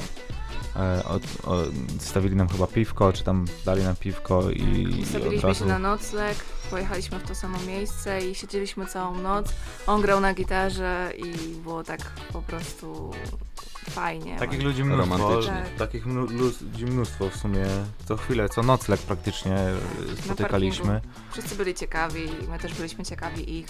Mhm. A takich właśnie na przykład ludzi z takim dobrym sercem, że na przykład coś nam pomogli czy coś, to nie wiem czy była taka okazja w ogóle gdzieś tam. Na pewno Polki w barze, co ją, je spotkaliśmy we Francji, co A, no tak, tak. Gdzieś tam wiesz, okazało się w Cannes właśnie, byliśmy, tam spędziliśmy parę dni. Trochę pochillowaliśmy, y, robiliśmy vloga i w ogóle fajnie tam było bardzo w Cannes. Podobało nam się. I się okazało, że w restauracji, w której się zatrzymaliśmy tam na kawę rano właśnie, żeby połączyć się z netem, że ta restauracja jest francuza, ale tam generalnie personel jest polski cały, kobietki tam z, e, z Polski. Pogadaliśmy, no i generalnie nam, jak, jak się dowiedziały, że jesteśmy Polakami i że jeździmy po świecie, to mega fajnie odebrały to. Zostawiły nam kawę i, i wodę nam dały. No, tam jakieś ciasto i później jeszcze mieliśmy, dały nam właśnie, jak widziałeś w, we vlogu Francji, właśnie ten park narodowy, to one poleciły nam ten park, y, żebyśmy żeby tam pojechali. z trasy. Warto, naprawdę warto. No, To jest chyba jedyna rzecz we Francji, I to jest właśnie ta nie, nie, e, e, nieprzypadkowość e, w podróżach, kiedy e, no plan lubi zmiany, Tak. jak sama No, powiedziałaś i e, po prostu no, ja to uwielbiam, kiedy, kiedy, kiedy jadę i e, spotykam kogoś, mówi słuchaj, jedź tam, albo właśnie ziomeczek gra na gitarze i spędzasz z nim e, cały wieczór, mimo że się planowało na przykład e, wstawać wcześniej rano Tak. i, i ruszać w pracę. No. dokładnie, to jest super. To, to jest cała ta magia. To jest fajne. A, a też e, powiedzcie, o co chodziło z tą, e, z tą e, bo wy na Teneryfie jeszcze byliście po drodze? Właśnie ten odcinek będzie ja- dzisiaj jak- bądź jutro. Jak to się stało? Jak to się stało? Y, no to teraz y, w tym vlogu o Hiszpanii, końcówce właśnie tam byliśmy już na y, lotnisku. Generalnie chodzi o to, że moja mama e, wygrała wycieczkę tygodniową na Teneryfę dla całej rodziny. I, I polecieli sobie tam. Powiedzieli, kiedy dochodziło o to, że jakby firma im całą funduje wycieczkę, oni muszą sobie Kupić, Kupić lot. No i się dogadaliśmy z rodzicami na jakiś konkretny termin, bo my tam właśnie byliśmy już we Francji, jak się dowiedzieliśmy o tym. E, no, do Hiszpanii. tak, i ustawiliśmy się chyba tam na 10 października, coś takiego. Oni tam zamówili te loty. My znaleźliśmy z Madrytu za 20 euro bodajże lot. Zostawiliśmy na tydzień auto tam i była misja z rodzinką tygodniowa, nie? Na naszej ukochanej wyspie. Baja. Ale mega też, mega, mega fajnie. Mało tam generalnie nagrywaliśmy, yy, ale fajny filmik wyszedł też chyba z 15 minut. Bo po prostu no mega po się jaraliśmy, wiesz, że z rodzicami Ja taki spontan wyszedł. Wakacje od wakacji. No, nie? tak właśnie ja też to nazywałem, nie? Wakacje od wakacji. Wyspaliśmy się w łóżku normalnym. Mega, a też byliśmy to już drugi a, raz. A na- właśnie, czy mieliście takie momenty, że e, no już byliście zmęczeni e, cały czas spaniem e, w busie? No, wiadomo, tam też pewnie jak Webasto nie przygrzeje, to, to jest trochę zimniej, w końcu, w końcu to już był październik. Wiesz co, yy, na pewno yy, w ogóle o dziwo w Europie tego nie poczuliśmy w nocy i w ogóle nie używaliśmy prawie wybasto, a w Maroko już było zimniej w nocy Na właśnie. górze w Maroku. Bo im niżej, tym cieplej. Tak. Yy, no i... Ale ogólnie mieliśmy coś takiego, że jak 4 dni pod rząd padało i nasze łóżko się nie rozkłada, siedzieliśmy w tym małym busie, po prostu już e, darliśmy się do siebie, mieliśmy siebie dosyć, to naprawdę mieliśmy To były, dosyć. to było były najgorsze. właśnie najgorsze dni. Jakby samo to, że codziennie trzeba było spać w tym, to nie jest męczące, bo na tyle miejsca sobie zrobiliśmy, że było dobrze. E, ale jak były właśnie takie dni, gdzie padało 3-4 dni pod rząd i siedzieliśmy właśnie cały czas w busie, to były takie momenty, że już kurde ciężko jest, nie? Bo ani, wyjść gdzieś, chociaż i tak ja dziś wychodziłem na przykład sobie po plaży pobiegać czy coś. No i wszystko było mokre, ciągle było... No ale ciężko, to były najgorsze czasy, no ale to na pewno jest właśnie wina tego, że mieliśmy małe autko. Teraz będziemy, zmieniamy właśnie na większe, będziemy już yy, zapobiegać tym wszystkim bolączkom, które były na tym tripie. Tak, już sobie zrobimy siedzenie A, a ile w sumie e, byliście w tej podróży? Czasu? Niecałe 3 miesiące, wyjechaliśmy 9, Tak, tak. No, Września? Wróciliśmy, nie o nie, to dwa miesiące, sorry, lekko ponad. No i 25 listopada byliśmy w tym. Mi się wydaje, że później. No nie jest to 25 listopada byliśmy jakoś już w Polsce i tydzień później ja już musiałem, w, w Belgii byłem. Aha, bo Kamil miał koncert. Tak, przez koncert i w ogóle właśnie dużo opcji mi się pod koniec roku koncertowych pojawiło i stwierdziłem, że nie chcę tego odpuszczać też, bo jakby muzykę mam, że tak powiem, trochę wyżej e, niż te podróże. Raczej wiem, że jakby no yy, mogę to połączyć, ale jak, jednak muzyka dla mnie jest też mega ważna, jak dostaję jakąś szansę. No, To te, trzeba ją wykorzystać. przetestowałeś koncertowanie online, więc No, e, może dokładnie. kiedyś się doczekamy jakiegoś ko- koncertu e, ze, ze szczytu w Monako. Tak, no, na, o, dobry, dobry pomysł. pomysł. No, na pewno. Coś rozkminimy takiego. No dobra, a jakie macie plany na, na następne podróże? Miejmy nadzieję, że już w te wakacje się kwarantanna skończy, że pożegnamy ten, e, ten okrutny czas. Mhm. Co dalej robicie? Wiesz co, Teraz trochę nas praca trzyma, Właściwie- bo tak trochę zara zarabiamy. Obecnie wystawiłam chyba dziś, nie, jeszcze nie wystawiłam, e, wystawiam busa, sprzedajemy naszego busa i chcemy kupić tutaj w Holandii nowego i zacząć go przerabiać. Ale tak na spokojnie, a nie tak jak wcześniej w tydzień przerobiliśmy busa, tylko tak na spokojnie, na spokojnie i na razie będziemy podróżować myślę tutaj dookoła. Tutaj dookoła, ewentualnie właśnie jakieś y, tripy parodniowe i będziemy robić jakieś takie vlogi z tego. Grubsza, y, grubszy trip myślę, że w następnym roku jednak będzie, y, żebyśmy wszystko dopięli. Chcemy też jakby już y, wszystko tak sobie zaplanować i się przygotować, żeby jednak już nie wracać do etatu. Tak, żeby już tak nie pracować. Też mamy pomysł, żeby otworzyć firmę e, związaną z organizacją wycieczek razem z nami, bądź nie z nami. Mamy tam, no niedługo będzie więcej na ten temat informacji, ale Na chcielibyśmy... razie z nami chcielibyśmy, żeby ludzie po prostu zobaczyli, tak jak my podróżujemy, bierzemy ludzi i jedziemy w jakieś miejsce i pokazujemy im no takiego globusa. Tak, pojawiły nam się po prostu opcje gdzieś e, za granicą, w Norwegii, w Bułgarii, w Chorwacji, gdzie mamy jakieś punkty zaczepne, gdzie możemy gdzieś tam pojechać ekipą i fajnie im zaplanować Survivalowo troszkę. y, zaplanować tydzień, co nie? I chcielibyśmy to wykorzystać. Za nie jakoś e, drogo, bo na pewno jak patrzyliśmy na ceny, to Nie, na pewno, na pewno to będzie wszystko. No ale to jeszcze jakby mówię, jest wszystko na kartce, a chcielibyśmy jeszcze to dopiąć, żeby za dużo teraz nie mówić. Mamy takie plany, żeby jakby po prostu y, już z tripów się utrzymywać, żeby nie wracać na etat i myślę, że jak do marca następnego roku się zepniemy, to wszystko pójdzie. A taki grubszy trip jest planowany właśnie na kwiecień, maj. 3-4 miesiące, Turcja.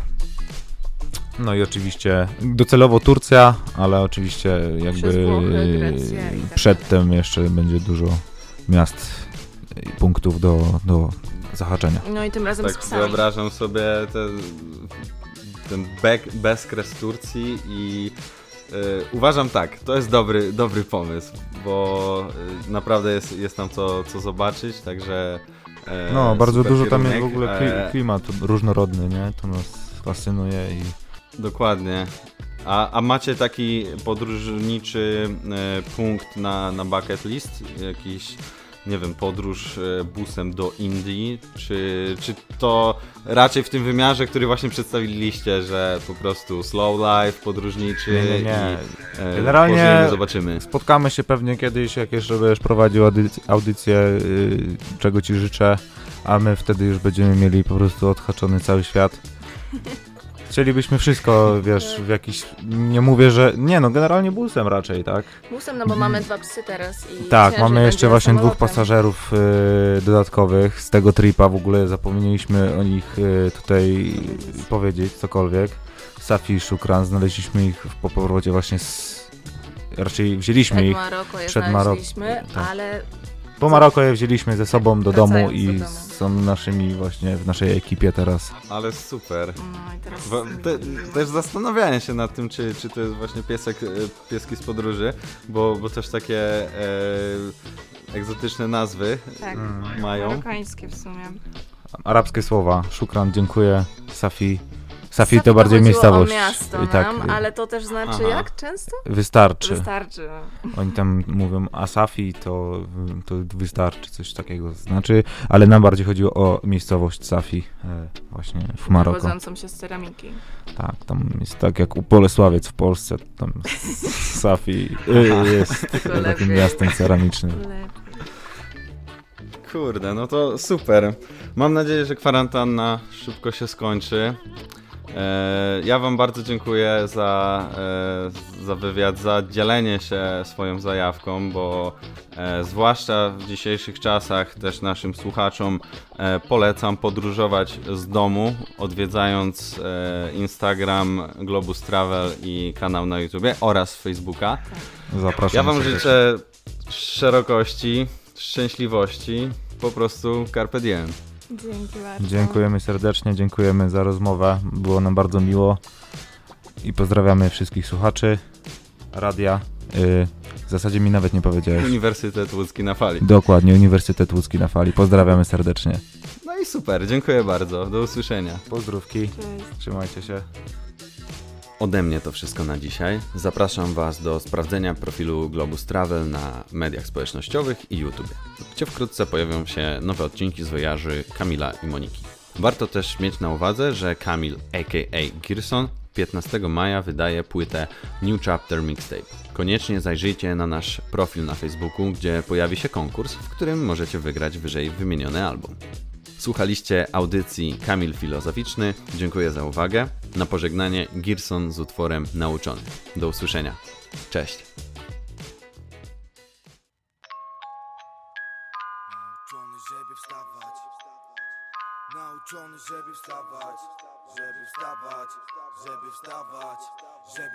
Nauczony, żeby wstawać Nawet kiedy bez szans. Już po raz setny tu padam i tak dalej Ten sam. I nie muszę nic udawać Że niby cię nie znam. Gdy mijamy się Gdy mijamy się. Nauczony, żeby wstawać Nawet kiedy bez szans. Już po raz setny tu padam i tak dalej Ten sam. I nie muszę nic udawać Że niby cię nie znam. Gdy mijamy się. New Chapter. Mixtape. Tutaj jak się czujesz się nie spyta Każdy czuje się jak celebryta. Czasem wstydzę się, że to samo powietrze wdycham. Przyjaciele Micha i tak chcą go wydać To samo zrobili z ziomami, którzy od lat byli przy nigdy trzeba. Nie da się tego naprawić dzisiaj, to jesteśmy tylko na siema. Czasem tak trzeba, to boli, a rany zagoicie szybko ich nie da. Sam widzisz jaki ten świat nie nabył Jest od przyjaźni ważniejsza dla nich karierę A teraz dojrzewam jak drzewo powoli. Pamiętając każdego dnia o korzeniach. Hej, piszę te teksty, byś już jakim jestem Bo tutaj mam do powiedzenia. Może coś z tego wyniesiesz, może już widzisz, że to nie kolejny typ Który jest nieszczery wobec swoich słów. Zlewa z serca bije miny, nie chcę żyć z ciebie. Te litery, kocham tworzyć jak I Jestem pewien, że coś po mnie zostanie jak w końcu kiedyś spadnę Bo to jest Girson chłopak, ma po co żyć Dla kogo spełniać te sny i w tym wciąż żeby wstawać nawet kiedy bez szans Już po raz setny tu padam. Tak dalej sam I nie muszę nic udawać, że niby cię nie znam. Gdy mijamy się Gdy mijamy się Nauczony, żeby wstawać nawet kiedy bez szans Już po raz setny tu padam. I tak dalej sam I nie muszę nic udawać, że niby cię nie znam. Gdy mijamy się Hej, hej Moje flow to ogień, typie moje flow to ogień. Oni chcą mnie zgasić na majku tym, że ciągle leją tam wodę Krok po kroku ciągle naprzód nową wiedzę co dzień chłonę Choć nie wiem czego jeszcze od ciebie się znów o sobie dowiem. Rest in peace! Spokojną mam głowę i jestem świadom, którą stronę iść. Choć czasem coś moment zniszczy cię, może to nie jest koniec misji Ale trzeba mieć nerwy stalowe, nie jak Wolverine By wcześniej cele ustalone nagle nie spłonęły jak gwizdki Dlatego ciągle dbam o wewnętrzny ładnie. Dbam czy przy was wyglądam ładnie. Wiatr w ten żagle pcha mnie w przód. Choć zawsze cisnę swoją. Drogą nieważne to, że chcą wytykać winę moją. Chcą wytykać ciebie winę moją? Spoko, ja za swoje zginę słowo Bo nie jestem z tych, co tu na chwilę stoją. Tym zamknięty zip to jak ginekolog I co ty mi tutaj nawiniesz kolo? W weekend sobie pijesz łychę z kolą. Ja piszę co noc, by szacunek miał nawet mój wróg. Gdy wypowiada ksywę moją to jest Tych sześć liter, co niesie trace z bitem To fresh typie jest nie żaden przeżytek. Mimo, może nie jeden wróg?